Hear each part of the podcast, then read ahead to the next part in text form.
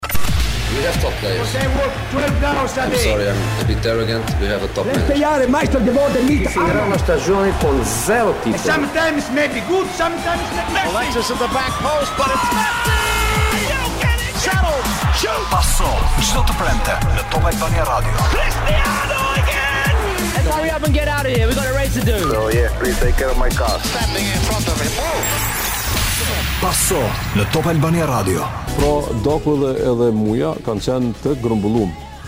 Bile, Muja ka qenë në ndeshet, pothujse në ndeshet e para, në tri, dy, dy ndeshet e para, ka qenë i grumbullum dhe ka qenë edhe, edhe në, në bankin.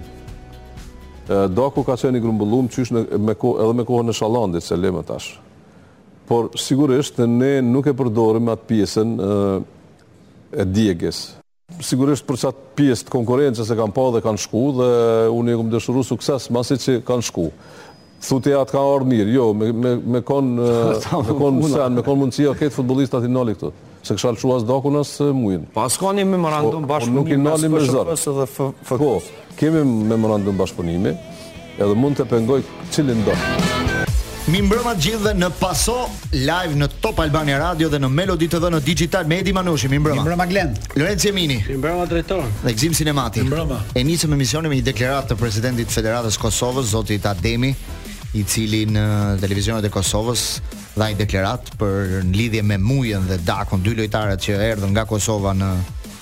në kombëtaren tonë, duke thënë që nuk ka qenë dëshira e tij pra për t'i për t'i djegur lojtarët siç e quante ai, për t'i aktivizuar 2 minuta dhe ata pastaj nuk do kishin shansin më pas për të ndërruar kombëtaren, por nëse ai do donte pra dhe mund t'i pengonte, por la shumë dyshime dhe në lidhje me këtë me një marrëveshje me federatën nëse ka një bashkëpunim nëse ka ka një bashkëpunim pra pozitiv në këto raste. Si u si e patë ju Lorenc Jemini Gzim Sinemati? Një deklaratë natyrore më duk. Pra brenda tij duket që ai e tha që me qejf nuk i lejoi ata. Edhe tani po t'i po të ketë mundësi t'i marrë mbrapa duket. Po në rastin e nëse në rastin e Dakut ka pasur mundësi ta pengojë, në rastin e Mujës nuk ka pasur as mundësi as për ta penguar që të, të sepse s'ka asnjë ndeshje me me Kombëtaren e Madhe. Ka vetëm 5 ndeshje me U njëzet e njëshin dhe me Kombëtaren e Madhe Muja s'ka luajtur asnjë ndeshje. Kështu që duhet të kesh luajtur të paktën ndeshje me Kombëtaren e Madhe që të mos të, të lejojë. Kurse te rasti i Dakut ka drejtë sepse ka luajtur 6 ndeshje me Kombëtaren e Kosovës, mund të mos ta lejonte. Megjithatë ai thotë një fjali që një lojtar nëse ka, domethënë nëse nuk e ka në zemër për të luajtur me Kosovën, atëherë ai mund të shkojë të luajë kudo. Ata të dy këta lojtar, sepse nëse Zoti Ademi nuk e di, ajo lexohet, s'ka nevojë ta dish fare. Këta dy lojtarë kanë dashur të ikin. Nuk i ka përzënë njëri nga Kosova. Ata janë të pakënaqur nga nga trajtimi që u është bërë me Kosovën dhe kanë ardhur këtu. Mirë, kaq thjesht. Të bëj edhe një pyetje meqë e nisëm bashkë. Ë Ai pak a shumë thoshte në intervistë që lojtarët ikën sepse në Kos te kombëtarja e Kosovës ka ka konkurrencë. Pra Daku nuk do luante se është Muriqi. Po nuk po shoh ndoshta po një aktivizim më shumë në kombëtare shqiptare po të dy lojtarëve që vazhdojnë të mbeten alternativa për të thënë të vërtetën. Konkurrenca është më e madhe te Kosova se me, se sa te Shqipëria mendon ai. Qofse Kosova jo, jo. ka një sulmues vetëm, sa mund të largohen për këtë arsye. Po pra, te, te Shqipëria ka 7 sulmues për momentin. Po pra.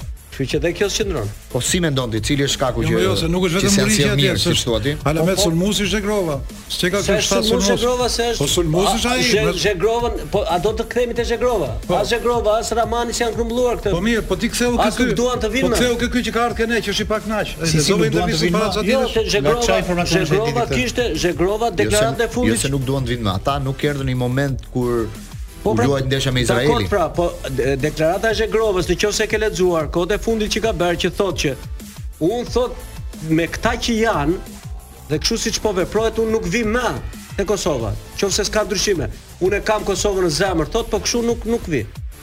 Do thotë ata t'i shikojnë problemet njëherë. Ai ishte një rast që na tregoi ne që përfaqësuesja e Kosovës në përgjithësi nuk është kaq serioze sa sa kombëtarja jonë. Dëgjoj, Glenti, rrim ke pyetja e parë, mos shko ke pyetja. Serioziteti. Rrim mirë atje. Hmm. Pse ky presidenti Ademi flet tani? Pse nuk ka fol më parë? Ne gjithë kombëtaren tani marrin intervistë tani fol. Ne kena gjysmë të gatshme kombëtaren. Gjithë andej e kemi marrë. Kur puthej Ademi me Dukën, nuk flitej për kështu gjërash. Tani i bie që ata janë prishur, Që ai thotë këtë dhe më vonë do të thotë gjëra tjera. Jo, jo, nuk janë prishur njerëz, jo, jo. mund të jo, themi po që janë prishur, ata kanë bërë evente bashkë. Po jo, jo, janë prishur për të thënë këto gjëra se nuk kanë thënë ndonjëherë. Kalimet e lojtarëve që janë këtej nuk janë shoqëruar me deklarata presidentësh. Ky joni ka gjetë gati që nëse në kampionat s'ka kë merr. Kampionatin e ka bërë në atë farë mënyrë që s'ka ku fut dorën. Edhe e merr të gatshëm. Tashi ky qan hallin Dakut aty. Daku ka pas një intervistë para javës s'ishte i kënaqur me minutat e Silvinjos. Iku nga palumturia gjeti palumturi. Mos thoni që kishte konkurrencë atje, konkurrencë këtu. Jo, jo, tha ai, mund të jetë po, konkurrencë. Po ai tha prap. Po, Para disa ditësh tha që më ka dhënë shumë pak minuta Silvinho. Mm -hmm. Pretendoja për më shumë minuta. Prap i pakënaqur është ai. Po puna është që ai ka bo zgjedhjen e vet, atë nuk e ndalon dot. Po unë habitem me këtë presidentin Ademi, ka pas raste për t'fol përpara kohë shumë, po vllau me vlla nuk fliste atëherë. Po kështu gjërash. Flisnin për gjëra të mëdha. Bashkoheshin për vota dhe tani po ndahen për futbollist. Kjo është Glend një moment shumë interesant për ne që merremi me gazetari sportive sepse është një një një debat i servirur në tryez që gjërat midis dy federatave nuk janë mirë, kjo nënkuptohet, pavarësisht përqafimeve që ata mund të kenë. E dyta, çdo president do të donte ta kishte në top skuadrën për të cilën ai ishte president. Në rastin konkret, Kosova do donte të kishte një skuadër më të fortë se kjo e Shqipërisë, në kushtet kur nuk kemi dy federata të ndryshme edhe dy kombëtare të ndryshme, por se jemi një komb. Zgjedhja e lojtarëve bëhet nga disa arsye. Ata shohin edhe llojin e ofertës që i vjen. Ka shumë mundësi që Silvinho, ke Daku dhe ke Muja, ë mund të kenë gjetur më mirë të pasqyruar interesat e tyre, afatmesme, afatshkurtra. Edhe për minutazhin që i referohet për të qenë në fushën e lojës. Dhe ajo që vërej ke kjo deklaratë e Ademit, ka një lloj hile nga mënyra se si Shqipëria i merr këta lojtarë.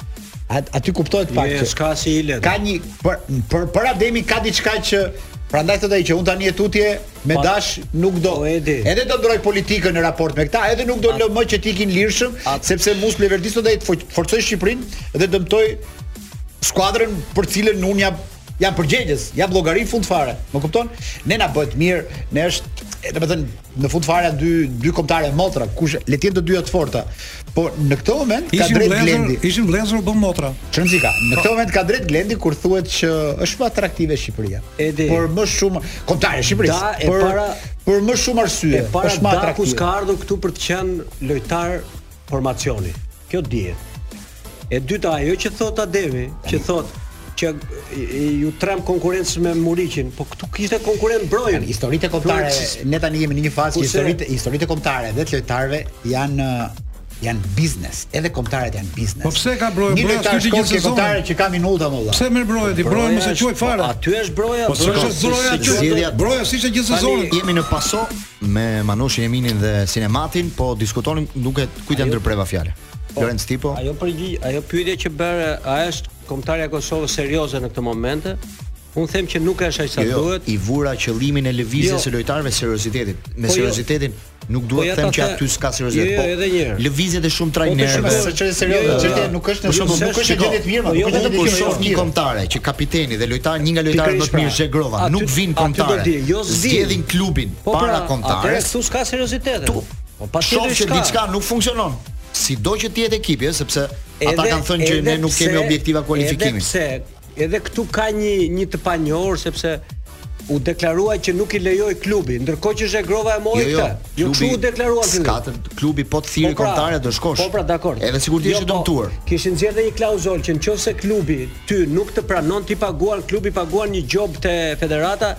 Që ka dhe një klauzolë se e mora këtë informacion që nëse nuk shkon, nuk e lejon klubi. Unë pashë mosdëshirë nga po, lojtarët për të pra, shkuar atë. Dhe ata thanë, nëse ti s'vjen një ndeshje do vish tre ndeshje. Bravo. Këtë gjë nuk mund ta bëj kapiteni i një kombëtareje. E kupton ti je në eliminatoret e evropianit dhe nuk vjen kapiteni dhe lojtari më i mirë, tani ky quhet seriozitet. Pra kjo do të thoja që ishte ka diçka që nuk shkon. Pasi mbaroi po, dy po. ndeshjet, u përplas trajneri Glia me Slloveninë, me të dy këta dhe iku trajneri. Këta e quajnë seriozitet. As ky është serioz. Po pra po. Dhe a s'të kujton pak situatën tonë kur erdhi Panuçi, ja kshu ishim dhe ne në atë fazë. Po. Ikte, vinte, ik lojtar, ky vjen ai s'vjen dhe vim këtu pastaj. Se serioziteti është ajo që po pse shkon ke Panuçi, ti pse shkon kaq thellë? Ke Edi Reja.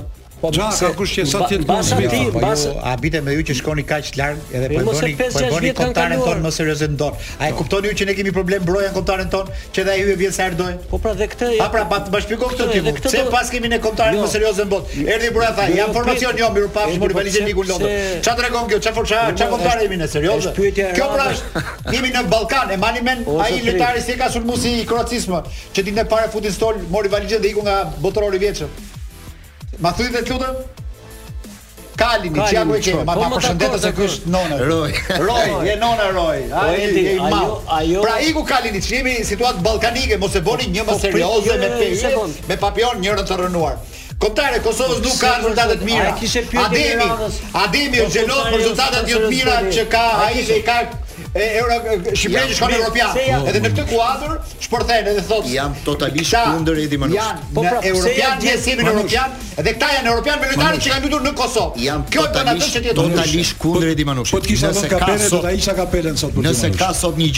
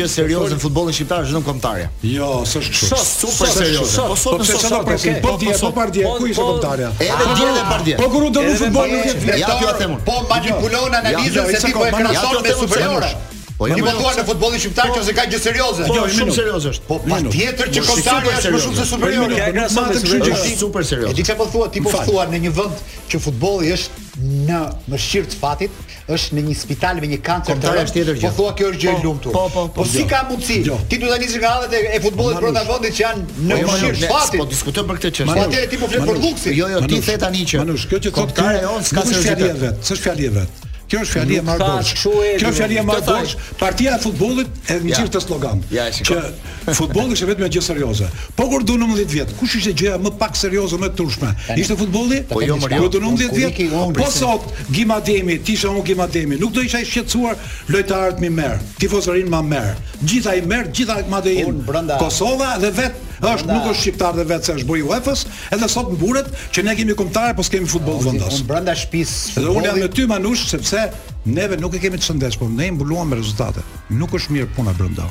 Po ka një grup që tha vetë neve para tre po javësh. Po jo, jo, ta thotë Redi, unë do jap argumentin. Edi, Edi. Një një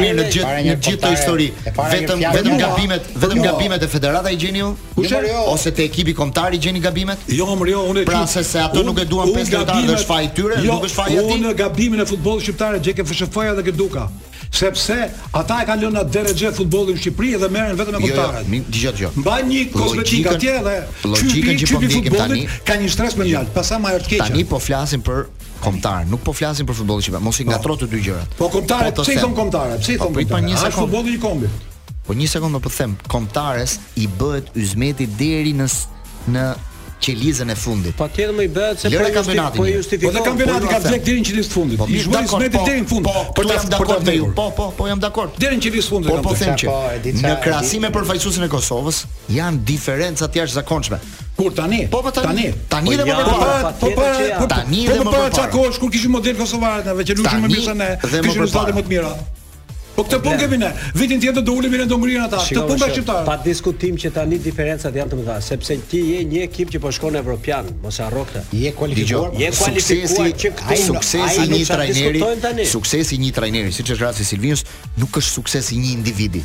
është sukses i një pune që po zhvillohet gjithë këtë vit. Se nuk mund të thuash tani Silvinjo erdhi njëri zbriti me shkopin magjik dhe ndryshoi befas këtë gjë. Apo jo. Ashtu sikurse edhe jo suksesi nuk është vepër e Edi Rejës, por është gjithë sistemi. Me që përmendët seriozitetin e tij. Manush Manush me që përmendët seriozitetin. Është shumë e rëndësishme. Ka 21 gola javën e kaluar, ka 21 gola. Ku ky është futboll kombëtar apo futboll nacional? Ku Gjithë linja, gjithë linja e me me Nga kalamajtë deri te të rriturit kanë 21 gola. Ky është futboll vendas apo futbolli jo ndërkombëtar? Ku jemi këtu zoti drejtor? Patjetër. Ku jemi? Ku je? Kanë gabimet e jo, tyre edhe në atë pjesë. Ka 21 gola. Ka më shumë. Manush ka për një fjalë me të drejtorit. Mos i thuj drejtor, sot thuj ushtar. Sa po. Se nuk është drejtori vërtet, është ushtar i sistemit. Nuk është meritë e Silvinjos, sot është meritë e sistemit. Dhe kupton ti ça Fjalia është kjo. Edhe nepërka nuk e nxjerr dot këtë fjalë. Nepërka që ka helmin më të madh nuk e nxjerr dot. Nuk tha po, është sistemi po tha një grup punë kolektive. Në sistem. Dhe këtu po, mund të pra. ketë një lloj të drejtë. Se po hapë që sistemi do të them pastaj Manush, do të them që është merita e Ramës. Tani. Se ka mek mikop. Mirë. Ka fjalë që merret me formacionin Rama. Jo, po, po, ju e keni shumë bukur. Diçka se jemi brenda shtëpisë së futbollit, më falësh drejtor. Ju e keni shumë. Neve bëjmë mirë që bëjmë kështu polemika, se un po të isha Grida Duma, edhe un them si drejtori që futbolli është serioz në Shqipëri. Sepse dalim jashtë shtëpisë së futbollit. Brenda shtëpisë së futbollit ne nuk mund t'i fshehim plagët dhe ky është viti më i zi i kategorisë superiore shqiptare dhe i futbollit vendas. Më i ziu. Është viti zero, po, është viti jo minus. Po, zero, po zero. Ti nuk ke stadiumet i ke bosh. Ti ke Oskuritet televiziv ti s'e di ça ndodh ti ke orare të shthura ti ke klube që nuk marrin rroga dhe ti në këtë moment ti nuk mund të rrish pa fol për plagën që ka gjithë popullsia po flet vetëm për familjen e pasanikëve që jetojnë në kodrën e Shijakut që qenka kombëtarja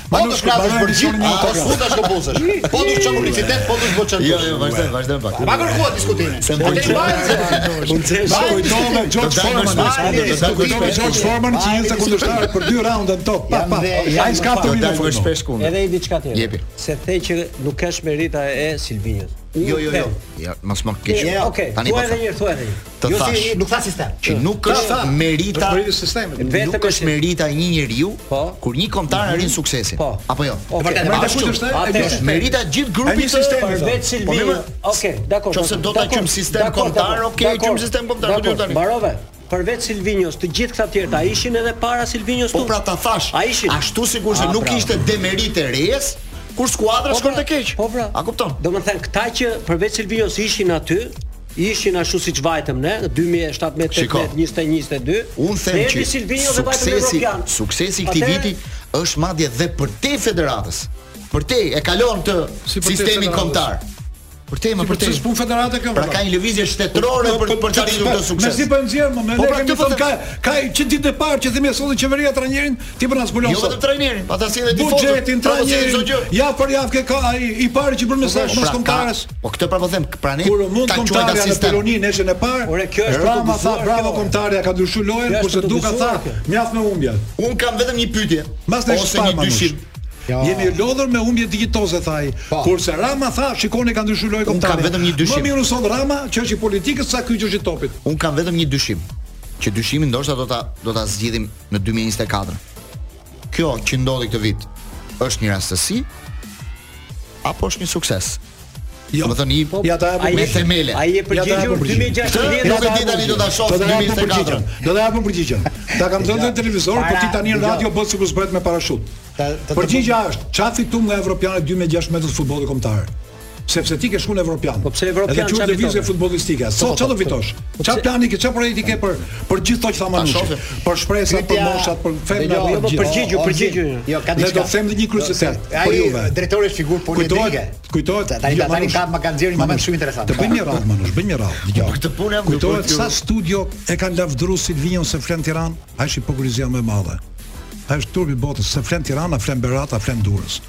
Çfarë bën ai që flen Tiranë? E ke pa ndonjëherë takohet me trajnerë të Superligës? E ke pa ndonjëherë të ketë projekt me me trajnerët e futbollit shqiptar? Nga do frymëzohet kombëtarja?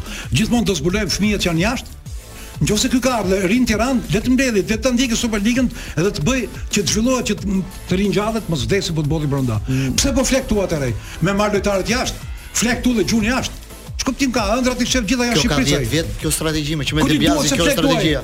Ai fle këtu po peshkun e gjuan andej. Lojtarët ai do vazhdoj të marrë jashtë edhe ai dhe kushdo tjetër. Ja, kushdo do vijë trajner. Historia e Silvinjos ishte në fillim që flinte këtu se me kalimin e kohës Silvinjo flinte këtu po gërhiste se kur fitu me Çekin neve dolën në pah dhe element të tjerë që dhanë deklaratat e suksesit fitores që filluan me ndarë çik më shumë dhe Silvinjo për mua që ditën e diskotekës që pite Shampanjë që aty ka një minus madh se s'e di çfarë do ndodhi.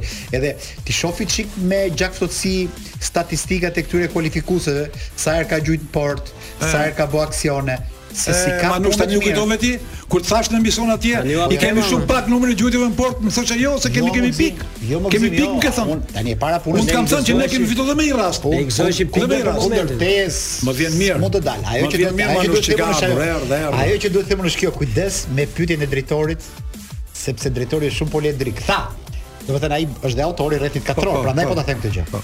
Tha, është sukses, tha. Apo është çka jo, e dyta? Jo, thash është sukses me themele, apo apo është rastësi. E po, e di pse i tha këto të dyja, se ka një në mendjen e tij ka një pyetje të tretë që është afër konspiracionit. Apo mos vallë një dorë e madhe europiane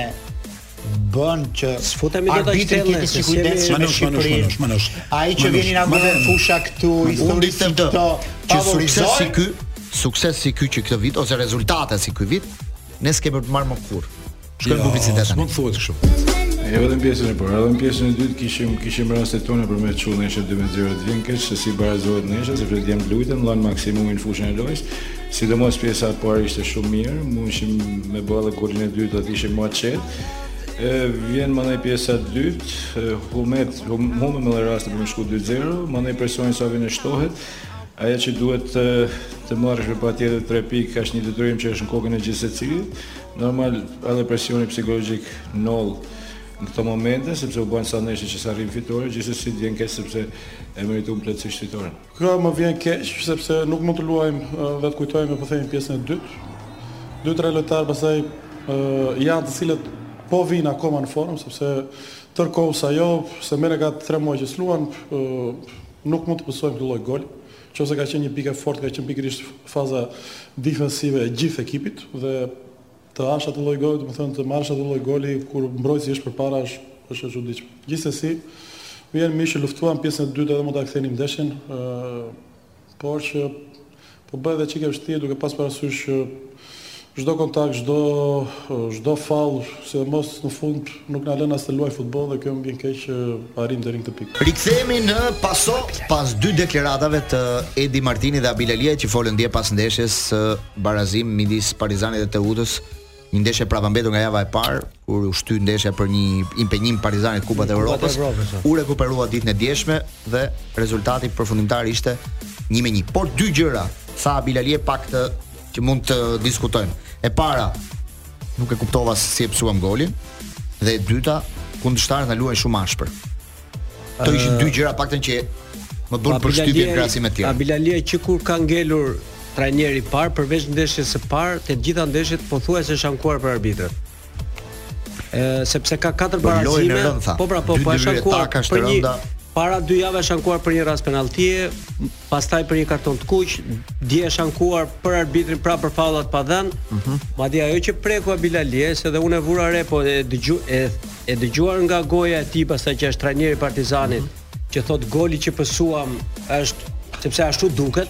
Të shikosh qendërmbrojtësin e Partizanit që është në zonë dhe lojtari i Teutës futet gjuan dhe ai nuk ka nuk as nuk nuk tenton të hapë këmbën për të ndaluar topin. Po ta shikosh në video ha po. bitesh. Dhe e pranon dhe vetë. Kjo deklaratë e Abilaliajt më duket shumë e guximshme sepse një deklaratë të tillë para ca kohë ka bërë Tetova në një ndeshje po me Teutën ka qenë Egnatia Teuta dhe dhe, dit, dhe ditën tjetër iku. Kështu që me këtë deklaratë frikë kam edhe për Abilaliajn, po inshallah jo, se nga goja s'vjen gjë. Për sa i përket ndeshjes së asaj pjesës Martinit jam dakord që pjesa e parë luajt Teuta, pjesa e dytë Partizani. Po ndeshja ishte duhet ta ndrosh kanalin 10 herë gjatë ndeshjes që të marrësh frymë një çik. Pra në atil se niveli i ulët. Unë niveli i ulët pa tifozë, pa Do të thoja që Lenci e ngarkoi shumë Abilaliajn, nuk është tipi që qahet. Po pra, po pra, po. Sa është? Jo s'e ngarkova, ato i tha vetë. Ai është ai është një lloj modeli ai më po po pëlqen nga societeti si si gjithë të ekuilibruar sa ai nuk është çështje domethënë që ai është marrë shpesh me arbitrat Po u morte derbi mo Gzim. Po mirë, më le të merret këtë derbi. Po nuk është tipi, nuk është natyra çaramane e trajnerit. Ai po tre fjalë vit thot. Ai mund të kritikohet pse flet aq pak. Po ndoshta ty të ka rënë në sy se aq sa flet është marrë me ata. Po me ata meriton të merret se ti ditën që i vë 8 ose 7 atyre, ata kanë bërë lloj lloj golash, autogolash. Ti e ke notën shumë të lartë Lënço, e ke dorën të lëshuar ti ke notat. Për arbitrat, për arbitrat, po e ka. Ke për arbitrat, po, po për arbitrat. Arbitrat këtu derbi tha pa probleme dhe tjetri aty i ftuar në studio, kush e derbi na doli që s'kishte këtë, kishte këtë, kishte këtë. Po tani derbi, mos i bëhet penallti. Të anullohet kjo, bëhet kjo si si që ka si ka loka me ndonjë penallti ajo dhe Po si si ishte tani do të marrim aprovim nga ata sipër. Shumë njerëz pyesin për atë dhe më kanë thënë me vërtet faqe ndryshe Gzim. Jo. Pavarësisht se jemi dy javë mbrapa. Jepi një përgjigje shumë zyrtare dhe të përgjegjshme këtë. Është apo s'është penallti i rastit? Mendimin tim. E tregoj edhe një herë se nuk është penallti, është ajo ajo. Rasti i derbit Tirana Partizani. Ai kontakti i dorës së Najdovskit po. që vjen topi nga koka e sulmuesit të Partizanit te dora, por po them vetëm diçka. Distanca gjysmë metri, 50 cm dhe dora në pozicion natyral, sepse dora ishte këtu, nuk është mbi supin që të quhet Sepse dora nëse është mbi supin atëre bie termi pozicion natyral. Në qoftë se është poshtë supit dhe ai është në lëvizje, është simetrikisht me këmbën, s'është penallti, kaq e thjeshtë. Kjo që bëre ti kështu, kjo s'është natyrale. Ai është duke vrapuar. Është natyrale. Shiko. Kjo është hapur, dorë hapur. Po s'po them pllëmba, po e marr kështu, se ai erdhi kështu. Okej, okej. Po ishte distanca kaq, dhe ai s'ka mundsi, s'ka mundsi ta Manush, është rast shumë i diskutushëm, ha. Okej. Dhe po të ishte dhënë penallti,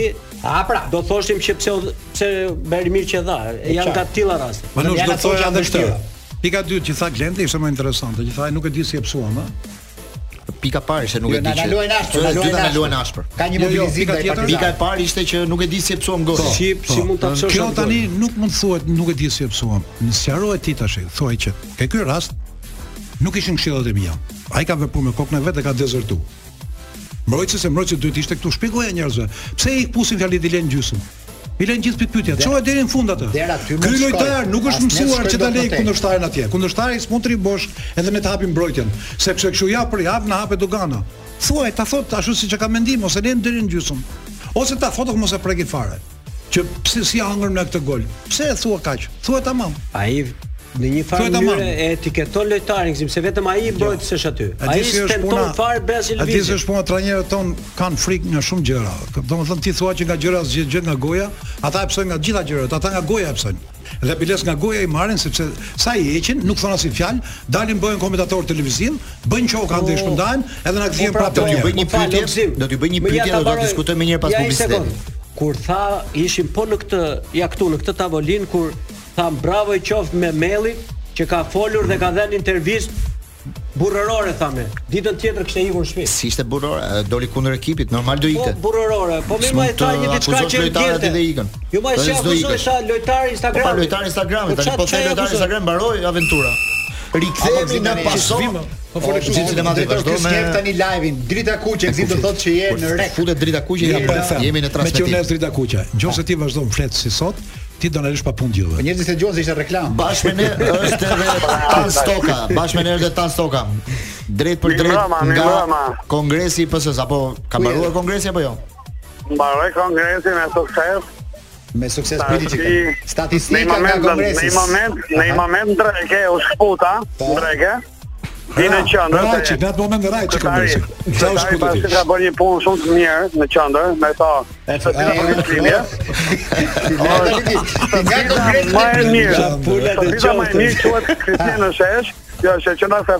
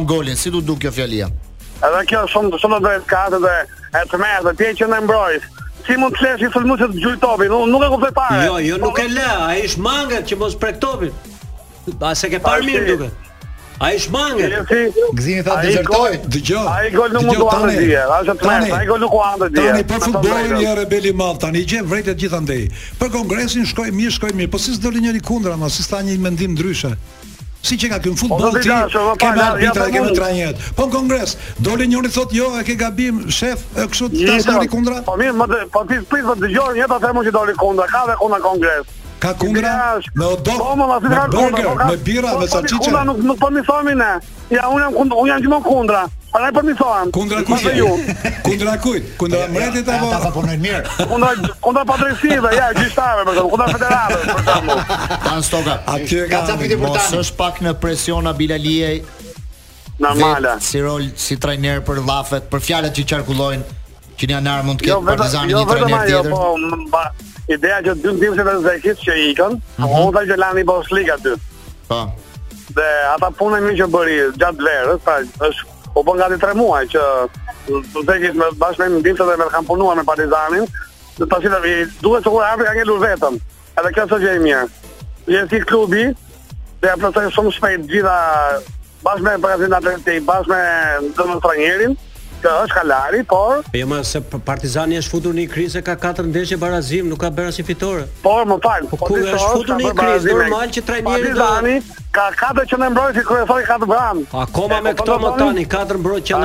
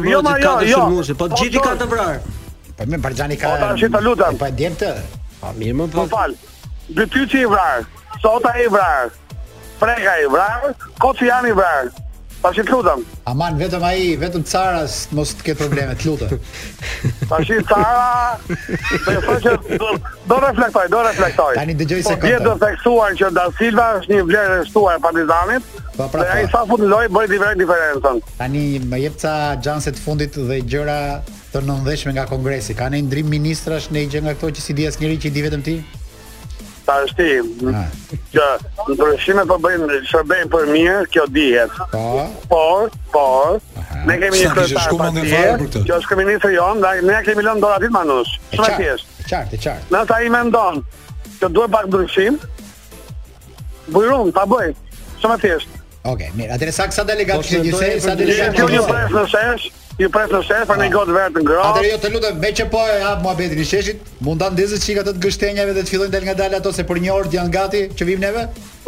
Direkt, po. po, po, po merr merr me gështenja tano dhe urime në shesh dhe urime Partizanit. Tani, tani, tani një sekond, mos u largo. E ke dëgjuar shprehjen që i heqin gështenjat me duar të tjerëve, kujdes mos përdoresh me gështenjat.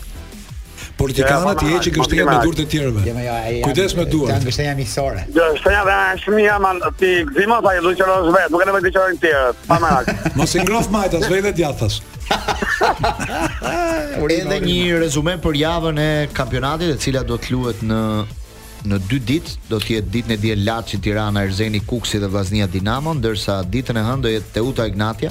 Teuta ka një tjetër provë me kryesuesit e kampionatit dhe Partizani do jetë me Skënderbeun. Këto dy ndeshje do luhen në orën 17 pra ditën e hënë Teuta Egnatia dhe Partizani Skënderbeu. Ndeshje shumë interesante për të parë se si do ecë, por kampionati duket se ka marrë një drejtim ndryshe tani dy skuadrat e para sigurisht janë ka krijuar një lloj shkëputje. Ka mundësi të themi fjali para reklamës? Pjesa tjetër, po. Kemi dhe... nuk është fjali, një fjalë do të them. Mhm. Mm Dinamo. Do merremi pas pak. E kemi dhe një. Do kemi dhe një Egnatia Manush. Edhe një lidhje me drejtorin e Dinamos. Një miku i Manush thotë kështu. Por para nga Dinamo, po para ca vitesh tha, para ca vitesh na lonim Rogozhin tha për të humbur Misrin. Këtë sezon tha ata po na fusin Misrin. Sa i përket uh, renditjes ju shqetëson pak kjo Lorenc, kjo shkëputja e këtyre dy ekipeve mund ta dëmtojë kampionatin si mendon ti? Tani kjo është niveli që është, kjo ishte 8 pikë është Partizani nga Tirana në vendin e tretë dhe Egnatia është 10, ë? 10 pikë, 11 pikë, 11 pikë, po. se është 33. Ë që Egnatia do ishte këtë vit pretendentja kryesore për të fituar titullin, kjo u duk. që në fillim kampionatit edhe nga ka vit nga sezoni kaluar sepse përveç që nuk u dobësua si të gjitha ekipet e tjera, por u përforcua duke marrë dhe lojtar më decisiv të ekipeve të tjera. Pyetja është kush do jetë e katra? Kush do jetë skuadra e katër e play-offit? Kjo është pyetja se këto treja duket sikur s'ka s'ka po, shumë. Po, edhe treta është në sepse Tirana Dinamo 3 pikë ndan. Nuk është se po treta ka mbaruar. Tirana aty do jetë. Me kontingjentin që ka, Tirana po. ka një nivel më të lartë se tjerë. Po pra, Egnatia Partizani Tirana mendoj që do jetë treta. Vendi domethënë katra kush do. Do diskutohet ndërmjet Vllaznisë, Laçit, Dinamos, këto i ke. Mos të them edhe Skënderbeu. Po i fute të gjithë aty. Po jo më se janë Me pikë aty janë, ka të drejtë ky. Ka po, aty i ke. Po, po me pikë janë gjithë aty. Po pra 7 dhe 3 pastaj Teuta, Erzeni dhe Dhe kush ngeli? Ti tani mos. Në qoftë se nuk futesh me pikë, mos futesh me porosi nga lart. Mos u për mos mos u përpiq të gjesh Fulhamin aty dhe Jo, jo edhe një herë, Glen, ç'u habite ti. Për një vend do luajnë katër ekipe dhe për dy vende do luajnë tre ekipe për të rënë. Është e thjeshtë. Kjo shkëputja e dy të parave, duke qenë se nuk do ketë më garë.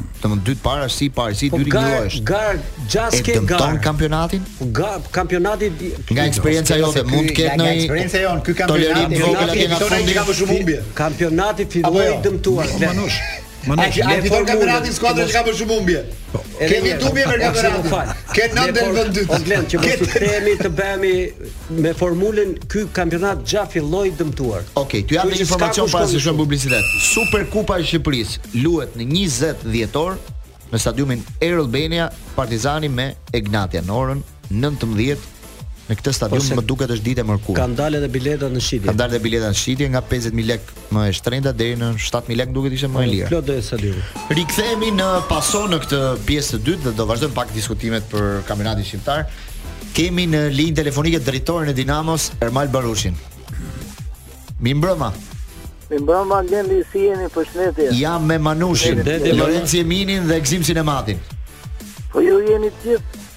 Po të gjithë po si paneli i Dinamos. Do jo, jo ja sa Dinamo, Dinamo tjetër. Dinamo tjetër po tjetër. Ti jo pra kë Donim sot të flisnim pak me ty edhe për për shkak të kësaj situate që ka ndryshuar te Dinamo në në këtë periudhë të kampionatit, një skuadër që nuk është më në fundin e tabelës, por që lufton edhe për vendin e katërt. I keni vënë ndoshta një objektiv vetes për këtë sezon? Po të them të drejtën Blendi ne vim nga kategoria e parë, një skuadër le themi që ka pas një gërshetje, ë fillimi ka qenë i vështirë, rezultatet nuk kanë qenë pozitive. Po le themi me grupin e ri, me stafin e ri, nga java 10 e deri tani rezultatet kanë qenë shumë pozitive, kemi qenë gati le themi në ritmin e dy skuadrave që kryesojnë tabelën e klasifikimit. Po çka ka çka ka ndryshuar ky Dritan Mehmeti krahasim me me Di Biaxhon? Çka ka ndryshuar? Se un kam dhe disa shifra këtu do t'i them tani. Tani në aspektin teknik duhet t'ia bësh pyetjen jo, jo, flas, po në harmoni, në harmoni, në harmoninë e skuadrës. Jo, në... në përgjithësi, në përgjithësi harmonia ka qenë, nuk është se nuk ka qenë. Domethënë është vetëm çështje teknike thotë. Çdo gjë organizimi, çdo gjë ka qenë perfekt. Ne ju e keni vënë vetë, e dini vetë që ne kemi le të themi që kur ka ardhur zoti Bardhi, ëh, mm -hmm. ekipi ka qenë në nivele të tjera. Investimet kanë qenë shumë të mëdha. Domethënë ti thua që është vetëm vetëm çështje teknike kjo, kjo ky ndryshim rezultati. Unë them çështje teknike. Në, në mendimin tim është çështje teknike sepse Atëherë, më lejo të them trajnerët e huaj kanë një mentalitet mm -hmm. tjetër kur vinë. Ja t'i jap disa shifra. Ka një mentalitet tjetër. T'i jap po. disa shifra që të habitet pak dhe Manushi, megjithëse ai ka i, i shef çdo javë Dinamon e, e monitoron. Dinamo sot, mbas 15 javësh ka 19 pikë të grumbulluara, është vendi 5. Me Di Biagion, 9 ndeshje 7 pikë. Mesatarja e ndesh e mesatarja e pikëve për ndeshje 0.7 pikë për ndeshje. 10 gola të shënuar, 17 të pësuar. Ndryshimi tani,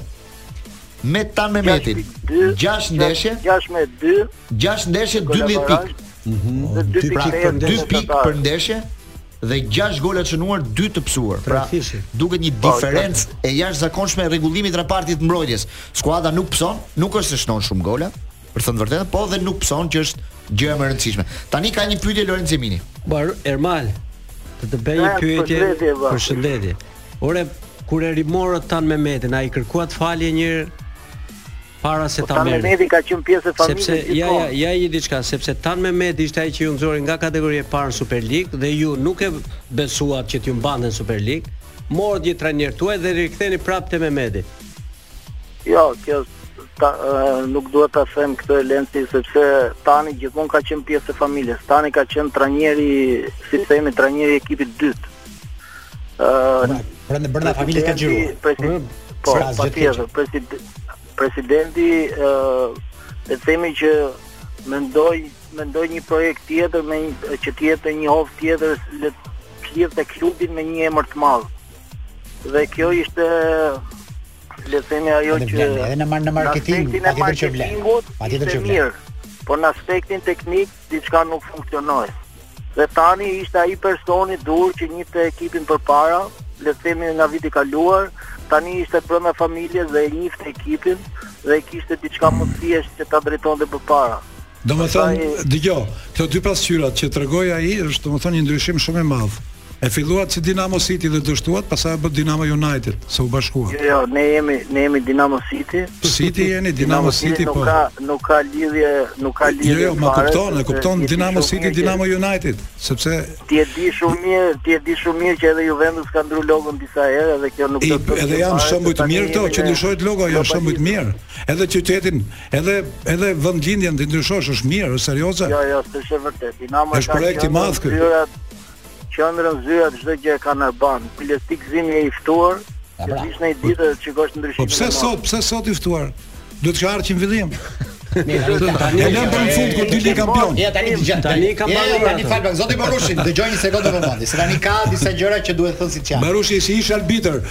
Po sjellja e arbitrave si është në këto dy fazat, një herë këtej, një herë andej, ka që ka ndryshu sjellja e arbitrave apo është njëlloj? Drejtën. Nama kanë si si arbitrat, nama kanë si si i kupton arbitrat. Dinamo e kanë sinqë. Jo Dinamo, Dinamo o Ermal, Dinamon 3-4 javë të para e kanë dëmtuar arbitrat, ë. Se ta kam thënë edhe një herë kur u takuam. Po nuk është çështje. Po ju nuk ankoheni kurrë, s'e di pse nuk ankoheni kurrë. Dinamo gjithmonë ka qenë një klub ti je vetë tifoz me Dinamo Lenci dhe ti e di mentalitetin e këtij. Po dakord, po kur kur të dëmtojnë kur kur nuk kanë dhënë problematika të tilla. Po ku ka qenë Lenci tifoz me Dinamo? Dina Lenci ka qenë me Skënderbeun, Lenci ka qenë me Flamurtarin. Po se Lenci Dinamo s'i bën nder, i bën nder ti pastron. Ti pastron Lencin me Dinamon. Përdor Dinamon si viktimë. Barush, dëgjo pak tani se kjo është serioze. Dinamo është e vetmja skuadër që ka një grup prej 10 tifozësh stoikë që fillon nga Çoçoli, Mujo Targaj, Sul Demollari, Faruk Sejdini. Jo, po nuk janë 10. Manush nuk janë 10. Jo, jo, jo, jo, po marr një vjeçet, pak a shumë që është e përjavshme. Një formacion që vijnë aty dhe po them ca emra që ça do të ndodhë me Dinamon, janë Dinamo e madhe vërtet. Dhe fakti që këta e mbështesin është gjë e madhe. E dyta, Dinamo ka një tifozëri që s'e ka as si Tirana si Partizani. Nuk do shkulin ndonjëherë stol tifozët e Dinamos në historinë e sportit të Shqipërisë. Edhe këtë unë e di mirë, sepse që nga vini. Unë jam i Dinamos. Barush, ata nuk shkulin stola, por kanë shkul flokët ca raste. Tani flokët le të shkulin se tifozi është për atë. Ajo që do donim ne, edhe si ndjekës të Dinamos është të ndërhyhet mirë në merkato. Jeni klub model.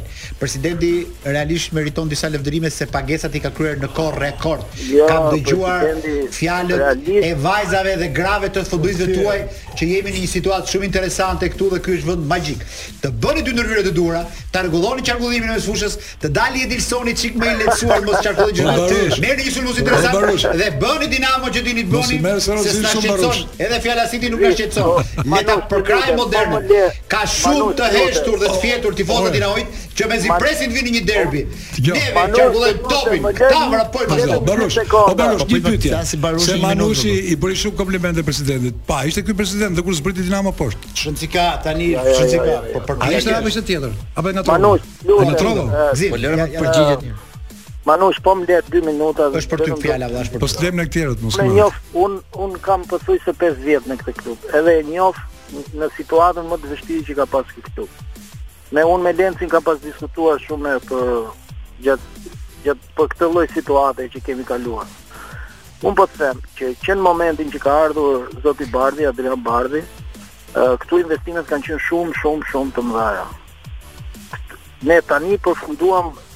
Le të themi fazën e, e fushës dhe jemi në rikonstruksion të një fushe tjetër. Është bërë hoteli, janë bërë zyrat, janë bërë Super. investime shumë të mëdha.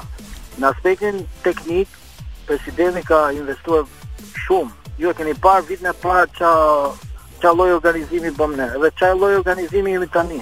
Qartë. Ne nuk e kemi diskutuar këtë fare. Tani ne ishim një klub që kaluam një periudhë 10 vjeçare në kategorinë e parë dhe kjo mbase ndikoi ë uh, nuk e di në aspektin e mentalitetit. Edhe tifoz Dinamo ka unë kam shëtit kategorinë e parë me Dinamo po thjesht 2 vjet e gjys. Mhm. Mm tre gati 3 vjet. Tifoz ka në të gjithë qytetet. Domethënë në, në Burrel, patjetër, patjetër. Në qytete, në qytete që janë, si më thënë, të ashpra. E kuptoj shumë çfarë po thua. Kurse pjesa, në qoftë se të kalojmë pastaj në pjesën e këtyre legjendave të vjetër, që janë në një moshë të thyer, të gjithë këta kanë qenë dhe vazhdojnë komunikojnë me zotin Bardhi Vazhdojnë. Unë këtë vetëm ke Dinamo e shoh, prandaj e them, shof ke Tirona jo, veç Ballgjinin 2-3 kokrra, ke Partizani nuk shof, ke Dinamo e shof çdo ndeshje këtë këtë grup. Në qoftë se ju dëshironi se nuk e di tani se si e keni agjendën. Unë po të katërt jeni të ftuar në mbrëmjen që do bëj Dinamo te Vila Paskuçi dhe aty do jenë një pjesë të këtyre zotrive që ne përmendim. Ja të shikojmë agjendën Barush, e kemi jo, shumë. Barush të falenderojmë dhe ne kemi zemra, jo, po dhe merkato Glen, ka super qasje për merkato shumë e rëndësishme, të lutem si tifoz, po pres. Merkato, ju duhet dy ndërhyrje të forta. Merkato,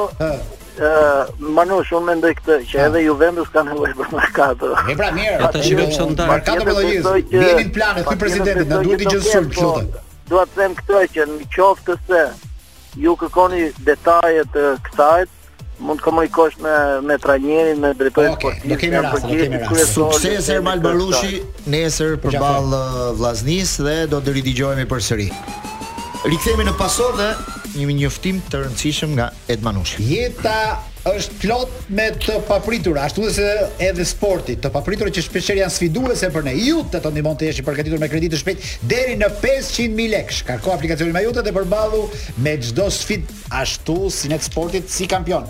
Iute të vjen në ndihmë. Është momenti për të shkuar te 3 minuta histori. Më të shumëpritur. Kemi një histori për Ferenc Pushkash. Vetëm dy skuadra nuk kanë patur nevojë që të fitojnë për të hyrë në historinë e futbollit, ka thënë Arrigo Sacchi. Njëra prej tyre është Holanda, tjetra është Hungaria e Ferenc Pushkash. Ishin dy skuadrat më inovative që ka njohur bota e futbollit. Për Holandën ndoshta do flasim një herë tjetër. Sot do ndalemi pak te ajo që njihet ndryshe Aranycsapat. Në gjuhën hungareze do të thotë skuadra e artë.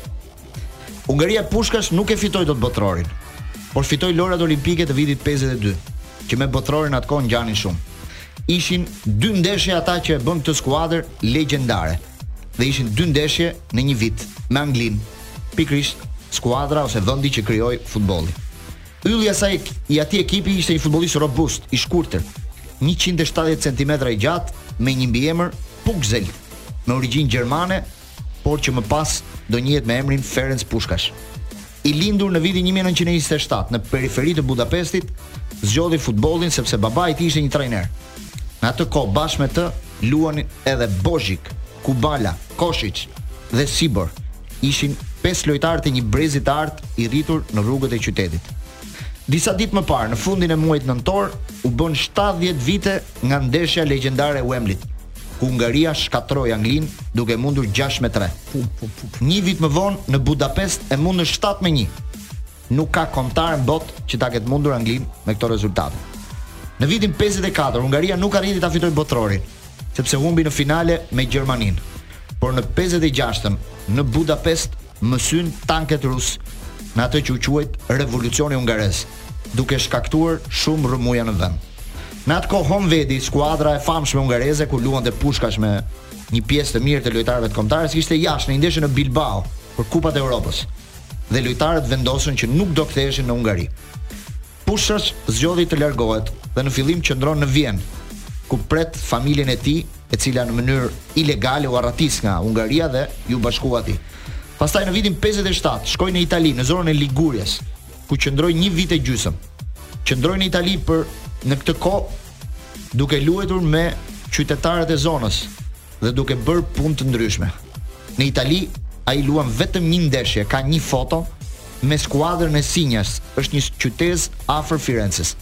FIFA në këtë kohë për dezertimin që ai bëri i ka vendosur një dënim dy vjeçar dhe ai nuk mund të pranonte asnjë nga ofertat që i erdhën nga Italia. Dhe nga Italia erdhën 10 oferta, mes tyre edhe Fiorentina që ishte skuadra kampione e vendit. Ai shtoi në peshë duke u bërë 88 kilogram. Por në fundin e skualifikimit, periudhës së skualifikimit, në vitin 58, ai dukej si një pensionist, edhe pse ishte 31 vjeç. Bernabeu, presidenti i famshëm i Realit të Madridit në atë kohë, pati intuitën për t'i bërë një ofertë të parezistueshme dhe e solli në Madrid duke dalë kundër tifozëve dhe trajnerit aktual që nuk e donin. Në një kohë të shkurtër ai stërvitet, bie në peshë dhe e majta e Pushkash kthehet të bëjë përsëri mrekulli.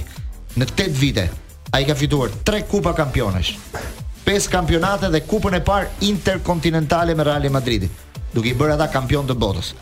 Ai mori dhe nënshtetësinë spanjolle dhe zhvilloi 4 ndeshje me kombëtaren e Spanjës. Një jetë e re për Pushkash që në Hungari do kthehet vetëm pas rënies së komunizmit. Sot FIFA për nder të tij golin më të bukur e quan çmimi Ferenc Pushkash. Ja, bravo drejtori me drejtor. Që 3 minuta histori shumë interesante. Me gjithë se mati, ke diçka për të... Realin e Madridit nga afër, e dim historinë e Pushkash, sa është faktikisht eh, Spanjën e ka si një lloj atdheu dhe mamadheu të dytë, ka deklaruar gjithmonë, ai u bë spanjoll në gjithë eh, aspektet, jetoi aty dhe ndërroi jetë madje në Spanjë, është njëri super i vlerësuar dhe i i mbështetur në Spanjë nga të gjithë presidentët e Realit të Madridit, që nga Santiago Bernabeu deri tek Perez, ka qenë një ikonë dhe një president nderi i përhershëm, deri me karrocë ka qenë dhe kur është takuar me Cristiano Ronaldo dhe të gjithë të gjithë ata e kishin si një lloj idhulli faleshin tek Pushkash për sa kohë ishte në jetë. Thonë jo, që do të ketë ndruar jetë, ka 4-5 vjet ka ndruar jetë. në 2006-ën. 2006. 2006. Paska shumë shumë. Dhe homazhet u bënë dhe në stadiumin kryesor të Budapestit. Po, pastaj uh, stadiumi ka marrë emrin Ferenc Pushkash. Mbas kohës varri i tij është në një kishë, në një kishë në Budapest. 29 29 vjeç ka shkuar te Reali. 31 vjeç. 29 vjeç ka qenë i pezulluar, domethënë vuajti 2 2 vite pezullim që i vendosi FIFA sepse ai dezertoi.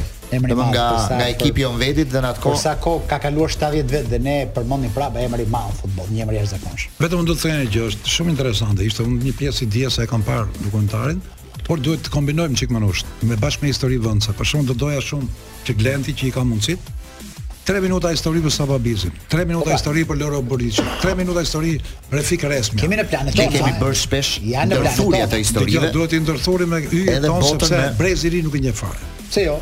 Për Pushkashin neve po i mësojmë ato sepse është interesante është. E jep edhe Evropa shpesh për Pushkash, kurse ne për tanët vetëm ne mund t'i ngjallim. Po mor po ne kemi në planet tona dhe me drejtorin kemi folur do i sjellim. Sot ka të rinj që rrinë gjithë ditën me celular në dorë nuk dinë kush është Indrit Pernaska. Po vërtet. Ju them pak sportistët më të paguar në botë, pasi këtë javë pati një lëvizje bombastike, duhet thënë, ku një sportist golfi spanjoll që quhet Jon Rahm vendosi të shkojë në Arabinë Saudite dhe do të përfitojë një rrogë 500 milionë euro në vit se futet në cirkuitin e garave në Arabinë Saudite të golfit. S'ka mbaruar me kaq. E dini ju që çfarë po ndodh? Dhe bëhet sot sportisti më i paguar në botë, gjithë kohërave. Po ndodh një gjë shumë interesante. Po vin oferta nga Arabia Saudite edhe për gazetar sportiv. jo, nuk ta dhan fare. Jo se kanë për, nuk ta dhan. Jo, po, nuk e kanë për shqiptar. Në Angli, Itali, Spanjë,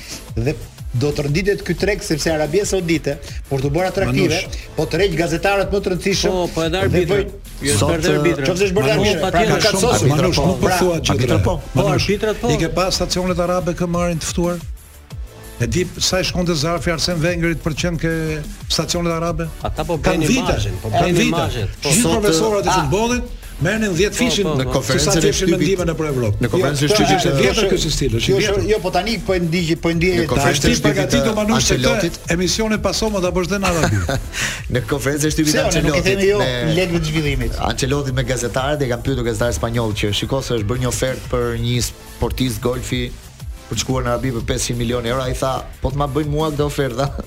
Tani do nisem në këmbë, nuk kam nevojë fare as për avion. Çe do shkoj? Po ma ka nevojë për lekë Angelo. Nuk kam tha do shkoj për 500 milionë. Ai ai sportisti i dytë për 3000 euro këtë sportisti i dytë më i paguar në botë është Ronaldo. Cristiano Ronaldo 136 milion. Pra shih diferenca 500 ai golfit 136 Ronaldo.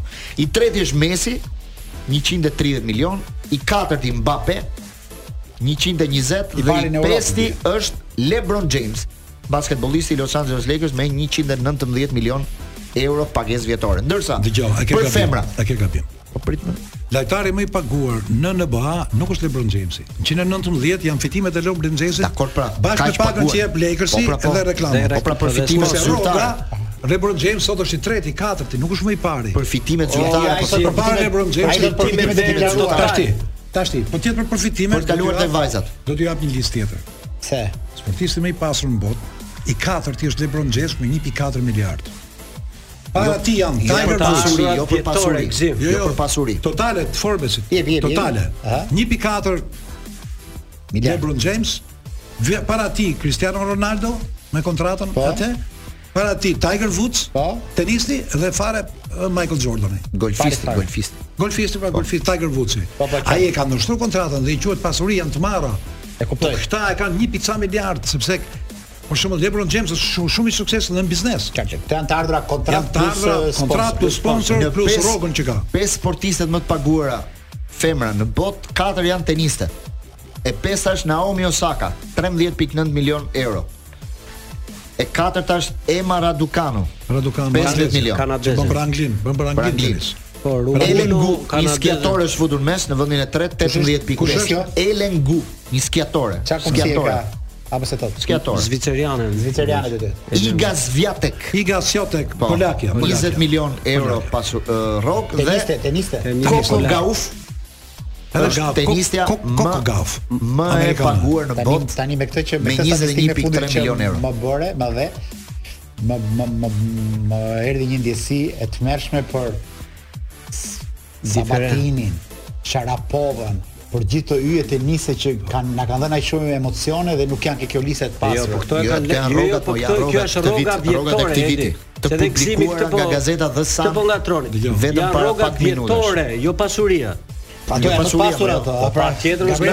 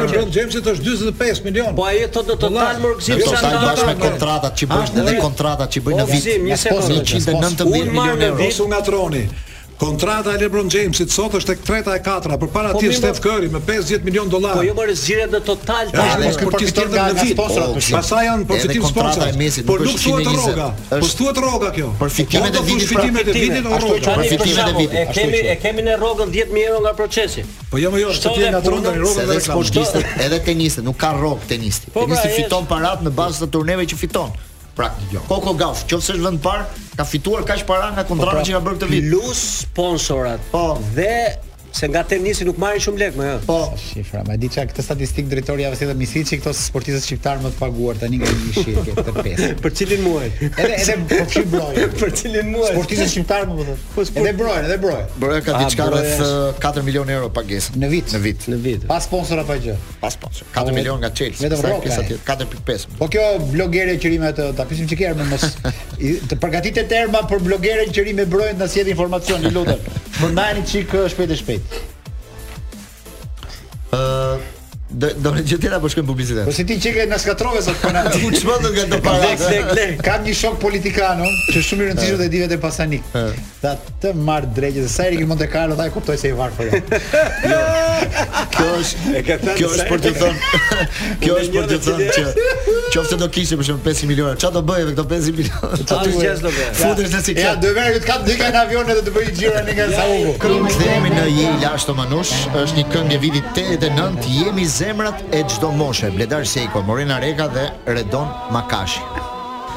Ça të kujton kjo, zbritjen nga shkallët, hë. Emocion i madh.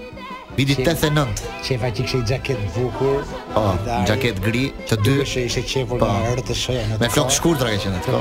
Njëri ata ishin të dy çik Beatles atëherë se po, kishte fakt apo. Jo? Njëri zbret nga një krah tjetri nga tjetri, gjen këtë Morenën aty. Këngë e madhe, se qe kënga e parë që thyhet ca rregulla, bësh si grup muzikor. Dhe po ta shofesh melodinë dhe dhe zërat janë të jashtëzakonshëm. Pastaj secili në rrugëtimin e tij. E vura këtë këngë se thotë qesh o rini se është dita rinisë sot, kështu që më mirë se sot. Asgjësem s'bën rëndësisht të gjesh. Nuk ndodhte ndryshe domethënë. Shumë shumë dhe një njoftim të rëndësishëm për gjithë ata që na ndjekin. Këtë fundjavë dyqanet Treva Fezo kanë oferta fantastike, kështu që Çfarë oferta për shembull? iPhone 15 për shembull Pro Max, sa kushton?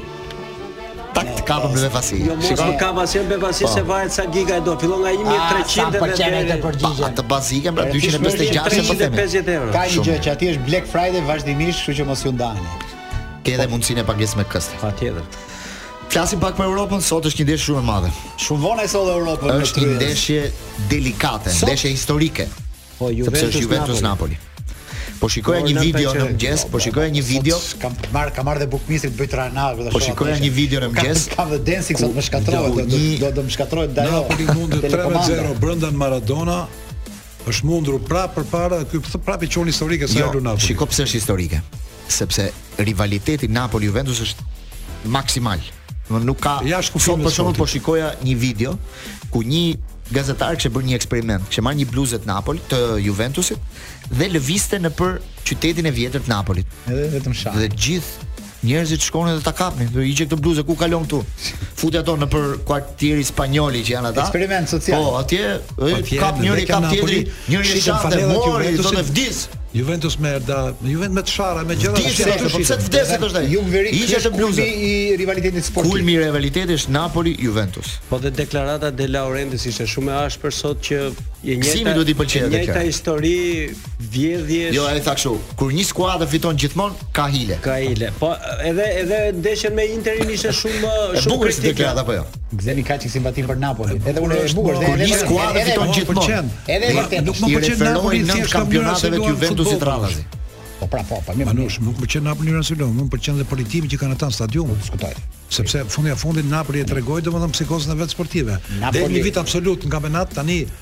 Tani mundet tre me zero pa histori fare nga Interi dhe shumë shpejt është kjo rënia e Napoli. Pati polemika të mëdha aty. Edhe nuk e di. Pati polemika për eksperimentin e tij. Edhe nga një trajner i mirë që vajti që iku.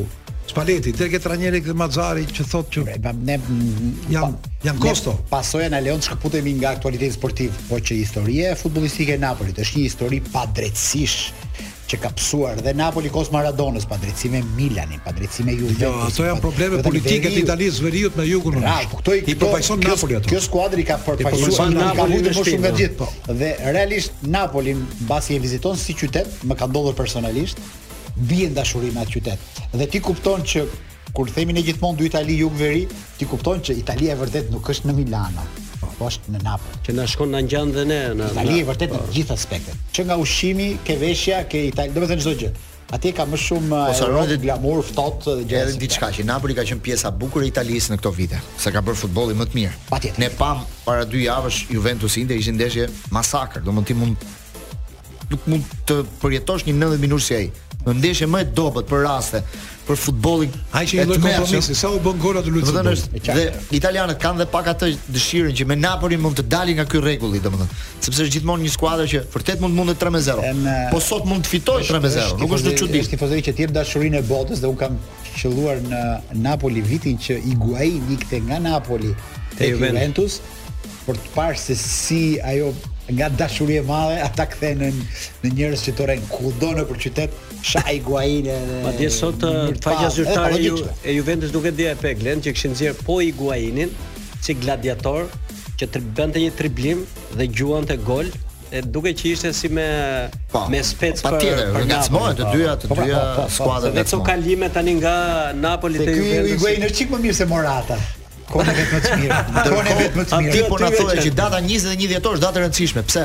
Data 21 dhjetor gjithë bota e pasur e futbollit i ka sytë nga Brukseli. Më fal. Nga Luksemburgu, nga Luksemburgu, nga Luksemburgu. Sepse në aty në gjykatën Europiane e Drejtësisë, kështu që. Aty vendoset përfundimisht nëse skuadrat që kanë vendosur për të bërë Superligën e famshme kanë të drejtë për t'u shkëputur nga UEFA apo jo. Pra, organizimi i kompeticioneve sportive nuk është vetëm kompetencë e UEFA-s, kaq do thotë ajo, asgjë, asnjë fjalë më shumë. Po dhe pastaj formatin. Edhe juve keni të drejtë të bëni kompeticione sportive. Mund të ndryshojë kjo. Kjo mund të ndryshojë historinë e futbollit, po në mënyrë më radikale se ç'e mendojmë ne që të gjithë. Dhe shumë e mundshme është. Dhe shumë e mundshme është dhe nuk ka logjikë që të futboll në Shqipëri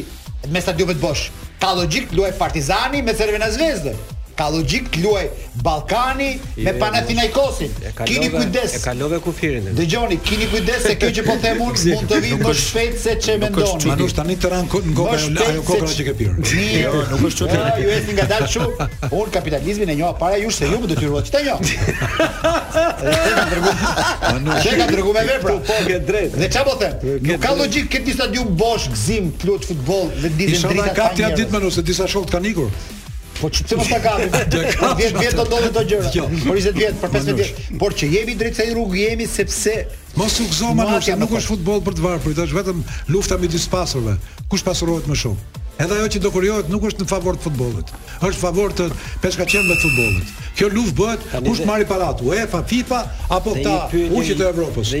Nuk është për klubet e vogla. Bëje pyetjen dhe përgjigjen pas publicitetit. Tash i kam një pyetje tjetër Manush. Ja, s'të lëm. Mos të kishte bërë përshtypje një shkrim ty këtë javë Manush që ke lexuar? Jemi në pjesën e fundit të paso për të kujtuar pak që këtë javë do kemi ndeshje të rëndësishme përveç sot Juventus Napoli nesër në kampionatin anglez kemi përballje shumë të forta pasi Manchester City është në një krizë ka katër ndeshje nuk fiton Ka pësuar nëntë gola në këto katër ndeshje.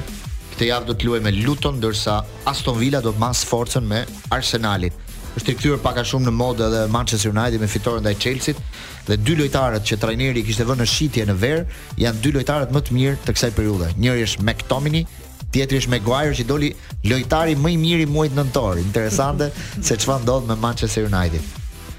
Ja lojtari. Edhe derbin e pavarësisë, independencës që quhet në Spanjë, që është Barcelona me Gironën këtë javë ditën e dhe i bie më duket dita e pavarësisë së Katalonjës, është dita që luhet ndeshja Barcelona-Girona. Të dielën, të dielën, po. Të dielën. Të dielën. Pyetja e Lorenzo Gjiminit. Të gjithë atyre që kanë automjet. Po, duhet bërë ndërrimi i filtrave dhe i vajit dhe çdo gjë tjetër edhe ajo friza çdo gjë duhet vi tek uh, Kadiu, Auto Kadiu, kështu që mos harroni dhe bëjni atje dhe na ka ardhur ti e ke marrë patentën Erma? Po, unë kam marrë patentën, u bëra që në janar tani. Ke filluar të lëvizësh me makinë për rrugët e Tiranës? Kam filluar pak,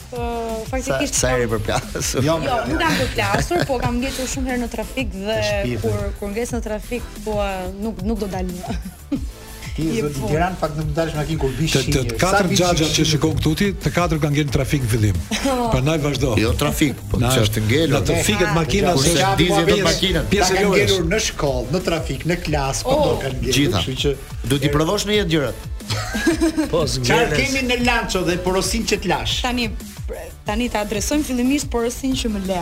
Uh, vajza pra blogerja që tashmë është bërë e dashura e re e uh, futbollistit Armando Broja, quhet Jade Elisa, faktikisht patëm pak probleme në kërkimin e informacionit në lidhje me të sepse vajza ka uh, llogari private në rrjetet sociale, mm -hmm. pra nuk i ka publike, kështu që është pak e vështirë për të gjetur informacion. Edhe profilet e saj në rrjetet sociale nuk kanë emrin e saj të plotë pra Jade Elisa, ka emra pak të çuditshëm. Megjithatë, mund të themi që tashmë ajo është vajza e re që Armando ka në krah pas ndarjes prej një lidhje që Kishte zgjatur diku tek një vit e gjysmë. Mm, një gocë nga Shkodra që jetonte në Nisë dhe kthehej. Tani çfarë do të thotë një blogere për një futbollist nga këndvështrimi i Ermës? Si ja si çfarë do të thotë? Si ndikon? Ja ja le të thonë jetën e atij, ia bën çdo gjë më fjollë apo Tani... e bën pak të bloger? Edhe futbollistin e bën pak bloger. Tani, uh, unë mendoj që Nëse personi vetë, pra nëse futbollisti preferon që ta ketë jetën pak më private, të dalësh pra të kesh të dashurën blogere është pak e vështirë sepse ajo ka dëshirë të krijojë content, të krijojë përmbajtje me me futbollistin sepse edhe fansat e kërkojnë. Megjithatë, nëse është tip që nuk ka turp përpara kamerave, si i themi në gjuhën tonë, të blogerëve, atëherë Do të shkojnë gjërat vaj, është është në rregull nga kjo pjesë. Me Ermën në Lanço vetëm mbas pak në Top Albania Radio, kështu që Dhe ne që jemi në histori blogerësh, në, në 3 minuta histori në javën në vijim do sjellim historinë e dashurisë së Maradonës. Si ishte jeta e tij me të dashurën e tij ose gruan e tij Claudia. A mund ta lidhim pak, mund ta lidhim pak muzikën tashmë me futbollin se po shikoj që kënga e radhës është një këngë që është përdorur Në Kampionatin Europian të vitit dy mijë e gjashtëmbëdhjetë, bashkëpunimi i DJ David Guetta me këngëtaren suedeze Zara Larsson This One's For You. ne urojmë fundjavë të këndshme me Pasion, dëgjohemi përsëri të premten tjetër.